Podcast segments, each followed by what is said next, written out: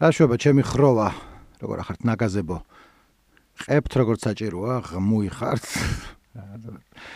აი თავიდანვე არ იყო სასაცილო რატო ავიკიდეს ნაგაზები არ ვიცი მაგრამ უკან არ დავიხევ რაღაც ხანი ნაგაზებით მოგმართავთ ხოლმე იმიტომ რომ რატომაც არა რატომაც არა. ამ რამდენიმე დღის წინ გავხდით გახლდით სტუმარი ძმებთან პოდკასტში ქვია თავის დრო. და თუ რამე შეიძლება ნახოთ Facebook-ზეც დევს და YouTube-ზეც თავის დრო რო ჩაწეროთ. თუ მაინც ჩემი გინდ ნერგაძე მეამატეთ, მაგრამ ისეც რამდენიმე საინტერესო ეპიზოდი არავის არ დაგაძალებთ ახლა რომ ნახოთ 2 საათია თუ რაღაცა და დაახლოებით იგივეს ლაპარაკობ ხოლმე რასაც. აქ ხომ თქო სხვა ბევრი მოსაყოლი არ მაქვს და რაც მაქვს ხანა ყვები, ხანი ყვები და რო თქვა რომ ისე ძალიან საინტერესოა და ძმები არ ველაძეები ვარ. No. მაგრამ რა ვიცი შეგიძლიათ ნახოთ ძმებს ის მიცეთ ხარი დაუჭეროთ ისი მიცემა ქვია მაგს პაძერშკა მიცეთ. მაგრამ მოკლედ აზრი რა რომ მანდ რა ვიყავი პოდკასტში რაც ზულაპარაკობდით აი ალბომები რომელი კრიტიკულად არის დაფასებული რომელი არ არის და პროსტნერთ გამახსენდა ერთი ალბომი რომელიც ძალიან მიყვარდა რა კონტექსტში მოყვე არ მახსოვს მაგრამ იმიტომ რომ პატარა ვიყავი სკოლაში დავდიოდი მე-5 მე-6 თუ მე-7 კლასში კასეტა მივიტანე ჩასაწერად და მეთქი Iron Maiden-ის ალბომი მინდა რომ მქონდეს და ჩავწერე ალბომი, რომელიც რომელიც სიმღერა მქონდა მოსმენელი Bring Me Your Daughter to Slaughter და ალბომს ერქვა No Prayer for the Dying. და ვიფიქრე, რომ აი, ბოლოს და ბოლოს მექნება Iron Maiden-ის ალბომი და მქონდა და ძალიან მიყვარდა და უსმენდი ხოლმე ხშირად და რაღაცა რა. და მე აღმოვაჩინე უკვე წლების მერე, როცა უკვე ინტერნეტი გაჩნდა რაღაცა, რა მე დამავიწყდა დიდხანს არ უსმენდი. და რომ დავძებნე აღმოაჩინე რომ კრიტიკოსების მიერ და ფანების მიერ იყო ძალიან ცუდად მიღებული ალბომი. ითვლება რომ ერთ-ერთი სუსტი არის Iron Maiden-ის შემოქმედებაში. მას მეერე რაც ბევრი კარგი ქონდათ მაგრამ მაგაზე არ არის მე ვფიქრობდი რომ რავი მე მომწონდა და რა მნიშვნელობა აქვს რეტროაქტიულად აღარ მომეწონება თუ რა? ანუ თავის დროზე რო წამეკითხა ეგ რეცენზიები მეწოდინებოდა თავიდანვე რომ შეიძლება ისეთ კაი რაღაცას არ უსმენ რასაც უნდა უსმენდე მაგრამ ხო მომწონდა. ოდა ეს გამახსენდა და ვიფიქრე კიდე რეები იყო ეგეთი მეთქი რაც მომწონებია.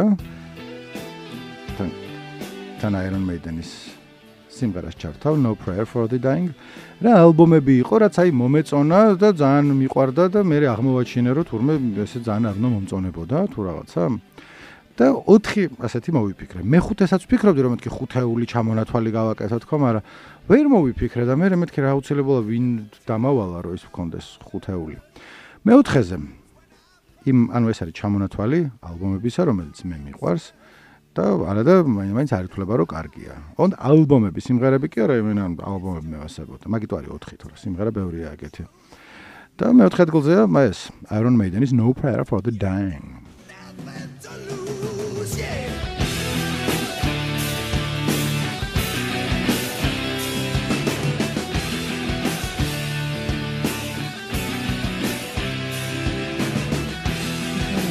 ეს ბალადა არის ხო პროჩქარი სიმღერებიც აქვს პარარარა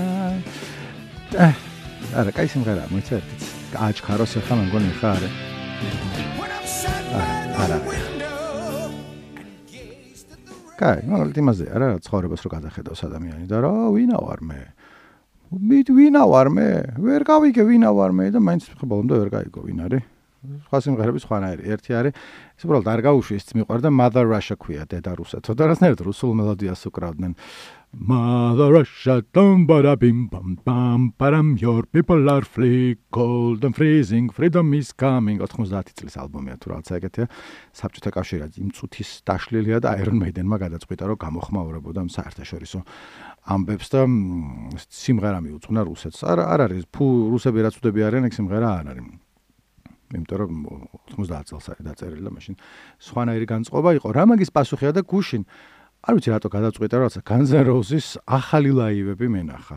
და ეხლა აღმოჩინა რომ საერთოდ 2023 წელს ეხლა არიან ტურნეში, თან Slash-ი უკრავს. ვიღაცები კიდე Steven Adler-ია, მე მგონი ბევრნი არიან N' Roses-დან, Guns N' Roses-დან. თითო ტრეკლის უყურებდი 27 სიმღერას ასრულებენ, ანუ ძალიან დიდი კონცერტებია თავის დროზე იწყებს აქსელი და რაც მე ვნახე არის აი ძალიან კაი სეტლისტია ჯერ ერთი აი თვითონ იყო სხვადასხვა ეპოქებიდან აქვთ. სიმღერები ეს Chinese Democracy ბოლო ალბომიდან რომელიც ვაფშე არ არის ცუდი. იქიდანაც უკრავენ სუძველი ეპეთაითიდანაც დაშაირავს Velvet Revolver-ის სიმღერას უკრავენ. Velvet Revolver-ში იყო სლეში თუ სად იყო მოკლედ სად ბლომად ყველაფერს ასრულებენ და მეთქი ვაუ რა მაგარია თან? კარგად ღერის. აქსელი კერიმი მობერებული მაგრამ ნუ ყოჩაღად დგას და დაჟერეს ათენში ეხლა რაც ერთ თვეში აქვს ალბომი ალბომი კი არა და კონცერტი და ძალიან შემშურდა მეთქი ვა გაასწორებდა თქო და რატო ამბობ მაგას? და რატო და იმიტომ რომ civil wars როცა მღერიან ხოლმე და თითქმის ყველგან მღერიან I don't need your civil war. And the rain running against the power Well, I really, really got about that. You may everybody go, and that's right. I don't need your civil war. No, no, no, no, no one, no one. ხოციტაკ სიმღერა. თუ არ ეცეთ, კაი სიმღერა არის. Anyway, მაგას რომ ხერის უკან რაც ომის კადრები გადის და დიდი უკრაინის დროშა ფრიალებს, იმიტომ რომ აქსელ როუზი, რომელიც მთელი ცხოვრების განმავლობაში იყო რაღაცა ნარცისისტის საზიზღარი ადამიანი, რომელიც ყველას ეჩხუბებოდა, იმას შვებოდა, ბოლო ბევრი წელია გამოსწორდა, სწორ მხარეს დგას ისტორიის ყველგან, რაღაც რაღაცებს ამბობს, ძველ მტრებს დაუმეგობრდა, ვიღაცები ჩაიხუტა, ისწავლა ადამიანმა და გაუმარჯოს, ანუ შეძლებია მაგის გაკეთება. ეხლა ჩვენ მოვუბრუნდეთ ჩვენ საქმეს. შემდეგი მესამე ადგილზე, მაგრამ იმის მიხედვით მაქვს მნიშვნელობის მიხედვით დაალგებული. მესამე ადგილზე ოდნავ უფრო საკამათო ეს არის ალბომი, იმიტომ რომ მაინდა-მაინც ძალიან გალანძღული კრიტიკოსების მიერ არ ყოფილა არასდროს, მაგრამ ეს არის Holy Celebrity Skin. Holy კერო ეს არის კორტნი ლავის ბენდი რო არის, რომელიც ცნობილი იყო მანამდე ალბომით Live Through This. სადაც არის არაერთი ჰიტი გრანჟის ერთ-ერთი ეს არის მთავარი ალბომია და მიუხედავად იმისა რას ფიქრობ ადამიანი კორტნილავზე როგორც მუსიკოსი მეასებოდა ყოველთვის ეს live through this კაი ალბომი აი ბევრი კარგი სიმღერა 7 თუ აი ბლომათ რა ესეთი თან თუ ხიანი არიან თავის დროის ნირვანას მე ჩართავდა მაინც რომ მაგრა გაასწორებს. და კარგა ხნის განმავლობაში რაც შემდეგი ალბომი არ ქონდა გამოშვებული Holy დაშლილი იყო და მოკლედ 2000 წლების დასაწყისში არ მახსოვს წელი გამოუშვა ალბომი Celebrity Skin. რომელიც რო გამოვიდა ხა რატო ყვები ამ საერთოდ ყოველთვის მე საერთოდ რატო ვაკეთებ ხო უბრალოდ იმიტომ რომ გაზიარება მომიდა თქვენთან. Anyway მაგ დროს ვიყავი პოლონეთში იმიტომ რომ ფიდო საყვარელი იყო ესეთი კაცი ძალიან დიდი ადამიანი, მამაჩემის მეგობარი, ჩემი მეგობარიც, რაღაცნაირად ჩამიწყო, რაც პოლონური არასამთავრობო ვიზიტი იყო იქა და მე როგორც ჟურნალისტი ვიყავი, მაშინ გაზეთში წერდი ხოლმე, ფიდოც რაღაც თავის ამბავში იყო და ჩვენ ორნი ვიყავით რა და ძალიან გაასწორა, ანუ აი, ხო იცი, ადამიანს რო დაუახლოვდები გზაში, როგორც ამბობენ, პაესტკაში იცნობა ადამიანიო და მანამდე ხან ისე იყო მამაჩემის მეგობარი იყო ის ჩემთვის და იმისთვის რაც თემური შვილი ვიყავი ალბათ ხა კი არ ვთქვამს ესე მაგრამ ცოტა შეიძლება გამოკლება სათვალიანი გავხსნა მუსიკას უსმენ თუ რაღაცა და იქ რაც გავიხსენით ერთმანეთს და თუნდაც დამამუღამა და მეც ეგ არაფერ შუაში არ იყო უბრალოდ გამახსენდა. და მოკლედ ბევრი დრო მქონდა მარტო ორი კვირა თუ რაღაც კაი ხანი ვიყავი იქადა ამ დროს ხანდახან ვიდეო წასულიყო თავის ამბებზე. შეხვედრები გქონდა რომელზეც მე აქ უნდა დაგვეწერა მაგრამ ბევრი დრო გქონდა თავისუფალი და ჩემთვის დავბოდიალობდი აქეთ-იქით და ფული ბევრი არ მქონდა და ვიყიდე 4 თუ 5 კასეტა. იმენა ნამდვილი კარგი ორიგინალები მაღაზიაში იყიდებოდა. ერთ რას ტრიკი იყო ერთ ეს დეპეშ მოდი ვიყიდე ატომღაც არ ვიცი greatest hits-ის ვარიანტი ფიქსის. და ერთ-ერთი იყო Holy Celebrity Skin, რომელიც მაშინ იყო გამოსული და გავკიშდი ისე მომეწონა, აი ძალიან მომეწონა, ჩემი საყვარელი ალბომია Holy-ს, ერთ-ერთი აი რაღაც ტოპ ალბომებში არის რაც მომისმენია და გამოხმაურება თავიდანვე ქონდა ნელთბილი რა, ანუ ცუდიო არავის არ უთქვამს არ იყო ცუდი, მაგრამ მაინც რაღაცა ის იყო, სხვა რაღაცას ელოდნენ. პირველი Holy, პირველი არის მეორე, ესა მანამდე კიდე სხვა ალბომი აქვს, რომელიც არის მინება უბრალოდ ძალიან ხმაურია. მაგრამ ეს რითაც ცნობილები იყვნენ, იყო სწრაფი რაღაც პანკური გრანჟ სიმღერები და ეს არის უფრო რაღაცა რაღაცა პოპია რა, უფრო პოპ როკი ფლიტვუდ მეკის გავლენით რაღაცა ეგეთი. ამ სიმღერების პროდიუსერი კი არისო მოკლედ მაშინ ბილი კორგანთან ერთად დადიოდა კორტნი ლავი. ბილი კორგანის მაშინ პამკინსის. და ის ეხმარებოდა სტუდიაში რაღაცების ჩაწერა შენ. მაგას არავინ არ დავს მაგრამ მე ბილი კორგანი მოთხოვე ყველა სიმღერა ჩემი დაწერილია და ისევ ამახი ამ ქალმა რაღაცა როგორც კურც აახია თუ ეგ არ უთქვამს მაგრამ ეგ გულისხმებოდა და როგორც ჩანს თვითონის კორტმალიც ამბობ რომ ძალიან დაგვეხმარაო სიმღერებშიო მაგრამ ეს არ იყო იმის დაწერილი სიმღერები იყო და ტექსტს კორტნი წერდა და მე მუსიკას ხვებიც იყვნენ ხოლში მარტო კორგანი არ იყო იქა. აა ხო და რეცენზიები ქონდა, თქვა 5-დან 3, რა, 10-დან 7, ეგეთი რომ კარგია, ბევრი კაი სიმღერა, რაღაცა. ჩემი აზრით ყველა კაი სიმღერა იყო და ერთ-ერთი რომელიც განსაკუთრებულად მომწონდა, ბალადა, ესეც აა იყო Northern Star, რომელსაც ახლა ჩავრთავდა, რომელიც მოგეწონებათ. ხა Iron Maiden-ზე ხარ გეუბნებოდით, მოგეწონებოდათ მეთქი. აა ის არის ან მოსმენელი გახან, არა გახ მოსმენელი და ჩავიქნიოთ ხელი. მაგრამ ესა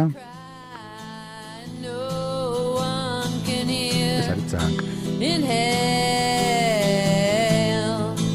the blinded eyes see chaos bring the pitiful to me even though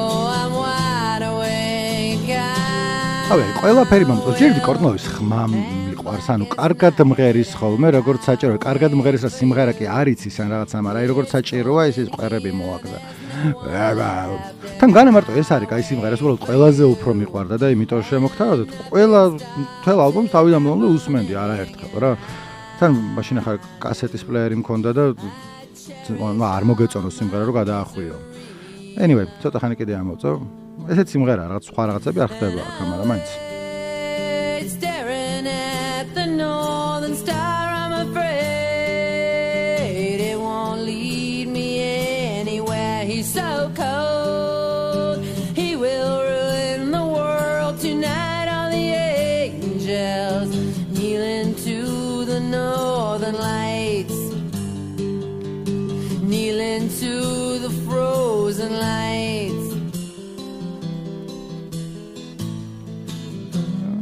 არა ისევ მოაქვს რა ხა ესენ დიდი ხანი აღარ მომისმენია მაგრამ რო ჩავთვე ვიგრძელი. მე მგონი მართლა კაი სიმღერაა თუ შეიძლება ეს ნეირონები მაქვს ისე მოწყობილი ვაი თავის დროზე რომ მომეწონა და იქ რაც ვარშავის ქუჩებში ვსეირნობდი მარტო ჩემი სონის ვოკმენით და შეიძლება მაგრამ ნუ სხვა სიმღერებიც მოვისმინე იმ დროს და არ მომეწონა. ასე რომ მაგას მაგას რას უზამთ ჰა? ათეისტებო. 1.0 ჩვენ სასარგებლოდ. ესე იგი ეს იყო მესამე ადგილი. მეორე ადგილზე მაქვს ესეც ეგეც ბავშვობის რამეა. პრინციპში ყველა ბავშვობის არის. ეხა ალბომების აყვარელი რაც ამაქვს განსაკუთრებით გალანძღული არც ერთი არ არის რა. უფრო რაღაც პირიქით შეიძლება ისე ვის რაღაც ლანა დელ რეი რო ვახსენე, მაგრამ ისიც ხა ვიღაცები ლანძღავდნენ თავის დროს და ვიღაცებს მაგრა ევასებოდა და ეს იყო იმ დროის სიმღერები გავაგრძელე იმ იმ დროის ალბომები, როცა მაიამის ინფორმაცია დამატებით გარდა იმისა, რომ ეს მოისმინე არ მქონდა, ანუ ვერ წახვალ ინტერნეტი არ არის ჯერ და ვერ წახვალ და ვერ ნახავ რომ რა რა უნდა ვიცოდე კიდე ამის შესახებ. ჟურნალებიც მაინდა-მაინც არ იყო და თუ რაღაცა ჟურნალი იყო, სადაც როკზე ეწერა და იმას იყიდდი, ან ეწერა შენ რაღაცაზე, ან არ ეწერა. სავარაუდოდ არა. და ასევე პოლონეთში ვიყიდე ჟურნალი Q, რომელიც ახლა გავიგე რომ აღარ არსებობს. თურმე და ძალიან გული დამწყდა.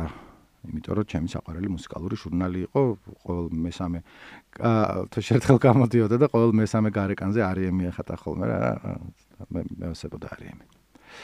შემდეგი მეორე ადგილზე მყავს Black Sabbath-ის ალბომი Technical Ecstasy რომელიც აა ეხლა წავიკითხე ვიკიპედიაში ანუ მეთქი ხო რომ მეჩვენებოდა რომ ლანძღავდნენ და უბრალოდ კი ლანძღავდნენ ანუ ითვლება რომ არავის არ მოეწონა საერთოდ ეს რა გააკეთა Black Sabbath-მა ეს რატო ჩაწერა ესეთი ცუდი სიმღერებიო ყველა წერდა იმდენად რომ თვითონაც ისინი ლაივში აღარ ასრულებენ იმიტომ რომ გავიგეთო რომ არავის არ მოეწონაო და ნუ კაიო რა მე ეს ყველაფერი არ ვიცოდი, როცა ალბომი Technical Ecstasy მოვისმინე, ისევე როგორც არ იცოდნენ ჩემმა მეგობრებმა, ანუ ეგ ხო მარტო ის იყო რომ მე მოვისმინე მომეწონა და კიდე ვიღაცებსაც უზიარებ. ვინ იყო? ჭანო იყო, მგონი გიორგი ჭანიშვილი, რომელსაც ასევე მოწონდა, იმას Black Sabbath-ი უფრო უყვარდა ჩემს და რა სხვა რაღაცებიც ევასებოდა, მაგრამ ნუ ყველა თანხდებოდით, რომ აქ არის კარგი სიმღერები. და კარგ სიმღერებს შორის კიდე იყო ერთი სიმღერა, რომელიც რაღაც ხნის განმავლობაში ყოლბა ჩემი საყვარელი სიმღერა მსოფლიოში. ანუ ჯერ კიდევ რომელიღაც კლასებში ვარ მე-7 მე-8 თუ რაღაცა ეგრე, მაგრამ ეს სიმღერა Gypsy, რომელსაც თავისი ვიკიპედიის გვერდიც არ აქვს, არც ამ ალბომის განხილვაში არ ფიგურირებს ხოლმე მაინდა-მაინც, არც კარგან ბავშვი და არც ცუდან ბავშვი. ჩემთვის ეს იყო ალბათ ყველაზე კაი სიმღერა, რაც მქონდა მოსმენილი ტოპებში, ყოველ შემთხვევაში მაინც ნამდვილად. და აი გაუშვებ თან, იმიტომ რომ მუღამი ქონდა რომ ბევრი სხვადასხვა რაღაცა ხდება ამ სიმღერაში, რაღაცა ერთი ამბავია, მე მეორე მუსიკალურად რა. ოზიმღერის რაღაცნაირად კარგად თუ ცოტახანი მოგასმენინებ და გზადაგზა ნახოთ, აბა ისე მოაქვს თუ არა. აი რა მეტალი დაიწყო. ხო უკვე უკვე გინდა რომ ხელები აღმართო ეშმაკის ხები თუ რა ქვია მაღლა. თმა რომ კონდეს გავაქნევდი. თავზე. თავზე ხო აბა სადმო კონდეს თმა რომ გავაქნევდი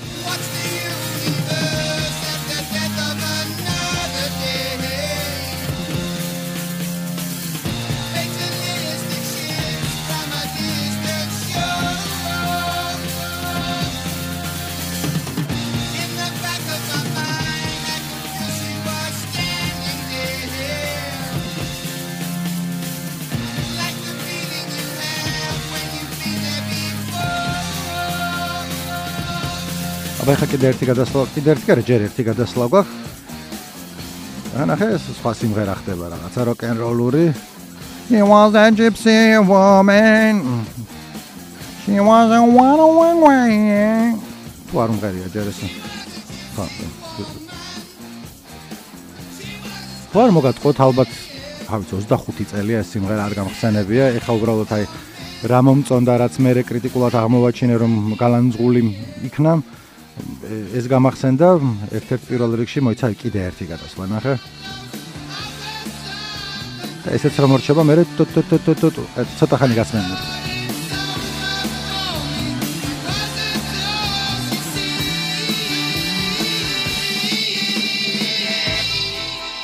აი მნაწილზე უბრალოდ უბრალოდ გძდებოდი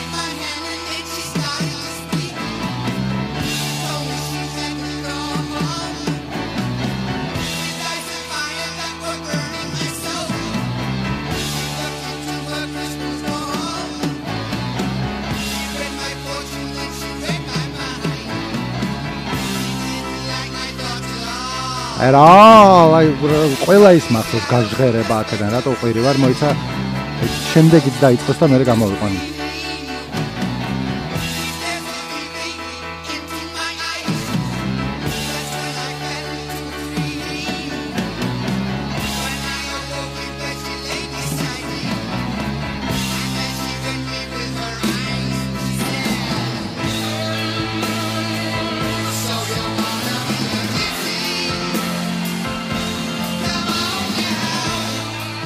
მთელი სიმფონია გენაცვალე თავისი პირველი მოძრაობა მეორე შემოვიდა და მანენ ახლა ალბათ გიტარის სოლოა ხო არა რატო არ უნდა იყოს ეგეთი რატო ლანძღავდნენ Black Sabbath-ის მოყვარულები ამებს აი ამას რატო ლანძღავდნენ რატო გამილანძღენ ნახევარი სიმღერა კიდე ერთი კიდე ერთი ამდენია მე ტექნიკალ ექსტასი რას რა ვიცოდით რო არ იყო კარგი? თურმე თურმე არ უნდა მომწონებოდა. აა აა პირველ ადგილზე 4-ულიდან მაქვს ალბომი რომელმაც რეალურად შემაყვარა ჰიპ-ჰოპი. პირველი ალბომი იყო რომელსაც აი გავგიჟდი ღამე ესე უსმენდი ხოლმე და მეთქი თურმე რა შეიძლება რომ იყოს ჰიპ-ჰოპი და მე მეგონა აქამდე რომ. აა ამ დროს ვიყავი, მოკლედ ფლექსის გაცვლის პროგრამით ხო ვსწავლობდი ამერიკაში, ხო ვსწავლობდი რა ვსწავლობდი. ნათქვამი მექნება, ვახსენებ ხოლმე ხშირად. მე რო ამერიკაში ვიყავი, ვიცი, რომ ხშირად ვამბობ ხოლმე, მაგრამ ვიღაც შეიძლება ეხა უსმენს პირველად და ვა, იყავი, ნიკო, ვიყავი, ფლექსით ვიყავი საუკუნეების წინ 96 წელს რა რაღაცა მაგ დროს რა მეორე ნაკადი იყო ფლექსის პირველში არ არ გავერგავდი მეორეში გავედი anyway იქ ვიყიდე ალბომი Cypress Hill-ის სამი Cypress Hill, სამი Temples Temples of Boom, ასე ერქვა. იმიტომ რომ მე მგონი რაღაც კლიპი ვნახე MTV-ზე და მომეწონა თუ არ ვიცი, იყო ფული როგორც წესი არ მქონდა ხოლმე და რაღაცა ცოტა 10 დოლარი თუ რაღაცა მქონდა და კასეტა ვიყიდე ამ ალბომით Walmart-ში ალბათ და შემდეგ ჩაუჯექი მოსმენას. უბრალოდ კი ეხა რატო გიყვებით არასაჭირო დეტალებს, მაგრამ გამახსენდა არა. იმავე ფლექსის პროგრამით რო ვიყავი, შუაში გაქვს შეკრება, როცა ფლექსის პროგრამით ვინც არიან ყოფილი საბჭოთა რესპუბლიკებიდან ერთად იკრიბებით და MTV-ზე კი არ მოვისმინე, იქ ვიღაცა მომცა კასეტა. თავისი კასეტა იყო მათხოვა. ისე მომეწონა ერთი კვირა ვიყავით აქ ძირითადად მაგის მენით ვიყავი დაკავებული. დიდი იმედი მქონდა რომ მაჩუქებდა, მაგრამ არ მაჩუქა, მე უკან დაუბრუნე. და მე ვიყიდე ეს კასეტა, რომელიც გული მომიკვდა, აღმოჩინე რომ იყო დაცენზურებული ვერსია. და საიფრესილი ისინი არიან პირმყრალი რეპერები არიან, ყოველ მეორე სიტყვაში იგინებიან და თან აი რაღაცა დაცენზურებულ ვერსიას თუ დაცენზურებულს რომელია სწორი რომ უსმენ გული არ გიკვდება ადამიანს რომ რატო მაგრამ ეგეც კი кай იყო მე მაკასტას რა ბედი ეწერო ჩამოვედი თბილისში გადავაწერე ზემოდან ნამდვილ ანუ ყუთი იგივე იყო კასეტის პლასმასი იგივე იყო მაგრამ გადავაწერე ზემოდან ჩავლებრივი წესიდარიგი როგორიც იყო მთელი ყველა სიმღერა და არა მარტო მე ვგიჟდებოდი ამ ალბომზე, სხვაებიც ჩემ გარშემო ნიკა გომელაურს უყვარდა ძალიან, აი ვიღაცაებს ხვებს არ არის უცებ რომ იცნობთ, უბრალოდ ჩემი მეგობრები არიან და განხილვის დროს ისე იყო რომ ნახე აი უთესლესი ალბომია ის სიმღერა, რაღაცა ეს სიმღერა რა მაგარია თავი დაი რაღაცა ბოლოში როა ის შეიძლება არ არის სათანადოდ კიდე ისე დაფასებული it rain ქვია ბოლო სიმღერას. მოკლედ ძალიან ძალიან მიყვარდა და რომ თუ არ მოგისმენიათ აი ეს არის, ხა დავიწყებ, რაღაც ხანი რაღაც ხანი იწება. ეს რაც აღმოსავლური გადასვლები აქვს, მეცა აი ეს ბიტი შემოვიდეს. ეს არის illusions ერთ-ერთი ტრეკი ამ ალბომიდან მიხვდებოდით რომ ერთ-ერთი ტრეკი ამ ალბომიდან რატო გიხსნით მაგრამ ნუ სხვები ძალიან კაია ეს უბრალოდ ერთ-ერთი საუკეთესოა მაგრამ ძალიან განსხვავებული არ არის ეს საუნდია ყველგან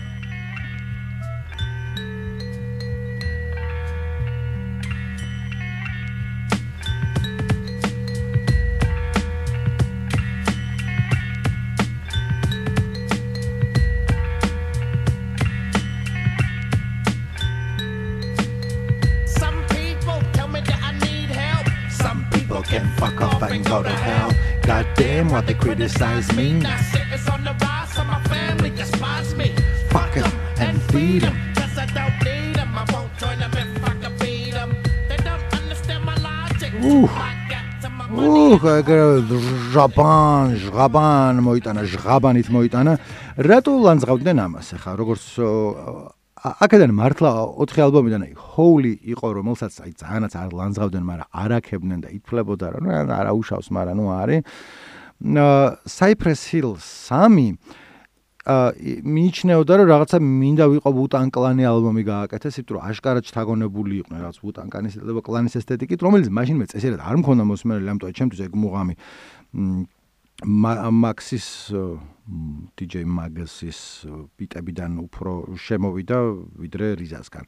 მარა ეხაც რო უსმენ არაფრით ნაკლები არ არის ჩემთვის ეს ბიტმეიკ მუსიკის ხარისხი. ერთ ტრეკში რომელიღაცა უტანკლანელები არიან კაპიტან პინგალოკა რაღაცებს ლაპარაკობენ მაშინ არ ვიცოდი მაგრამ ნუ მე მე მე ვნახე რომ ეგენიც იყვნენ იქ და მოკლედ იმის თქვა მინდა რომ ეს ალბომი ჩემს უბრალოდ რაც მომწონდა მუსიკა არ იყო ანუ ჰიპ-ჰოპი ამისგან შემიყვარდა და აქედან სხვაც რაღაც სიმღერები ტუპაკის და რაღაცების მევასებოდა ახლა კი ვიყავი როკერი და მეტალისტი და მაგრამ ისე ვიყავი რომ აი ხანდახან ამასაც ჩართავდა მოусმენა me and my girlfriend. All i need in this life to say just me and my girlfriend. Tu tu tu tu tu tu tell me why in this game just me and my girlfriend სხვაჯერ იცოდი რომ სიმღერა არის იმაზე იარაღზე და არა ნამდვილ girlfriend-ზე, იმიტომ რომ ტექსტი წაიკითხავ.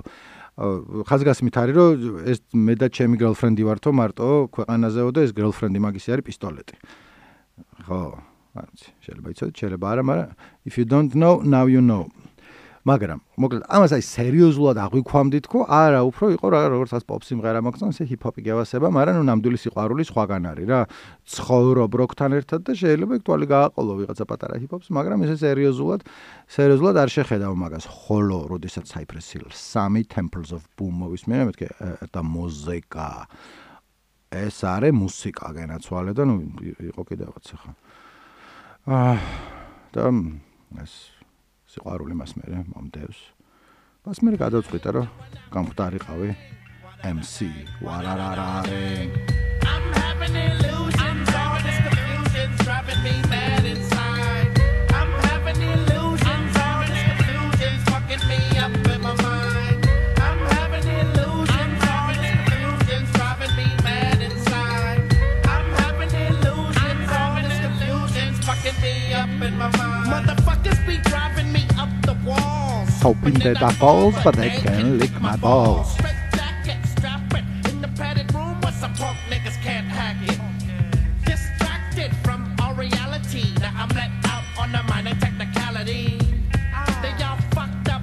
cause they let a nigga back on the streets. I'm ამისი დაცენზურებული ვერსია ხო წარმოგიდგენ რა ტკივილია რომ რა გულით ამბობს ცუც სიტყვებს და ამბობს მე რა შემთხვევით შემთხვევით პური არ დაგიზიანდეს პატარა ბავშვო ეს უნდა რა ჭირადი მთელი კასეტა იყო ესეთი ვინვისთვის ყიდულობდა მას ძალიან უცნაური ხალხი ამერიკელები. ანუ ნახე ხარ ასე ვამბობ რომ თუ უნდა აიგძალოს აიგძალოს მაშინ და არ გაიყიდოს და თუ აუგძალავია და იყიდება და ესე გადავაწეროთ აი რა რაღაცა უგემურობას აქვს ადგილი და უგემოვნობას და უგვანობას. ჩემი აზრით. რატო მოგიყევით ყველა ამ ყველაფერის შესახებ იმიტომ რომ მოგიწოდოთ რომ ნუ დაუჯერებ წვისას არა მაგიტო არ მოვიყოლე უბრალოდ. ერთი რო ვახსენე მე მეორე გამახსენ და მე მესამე გამახსენ და მეთქი რა ვიცი შემიძლია პოდკასტში ვლაპარაკო მეთქი ამას და რაღაც მომენტში კი მიჩნდება შეკითხვა რომ რა ვინ ვინმეს რა რა რატო ანუ რა აზრი რა არის ამ ყველაფრის და მე მე თვითონ პასუხს რომ აზრი არის ის რომ არ არ არის აზრი აზრს ჩვენ თვითონ გქონით ჩვენ თვითონ გქონით აზრებს. მე ვიყო იგი კამიო. ან რა ვიცი Sartre.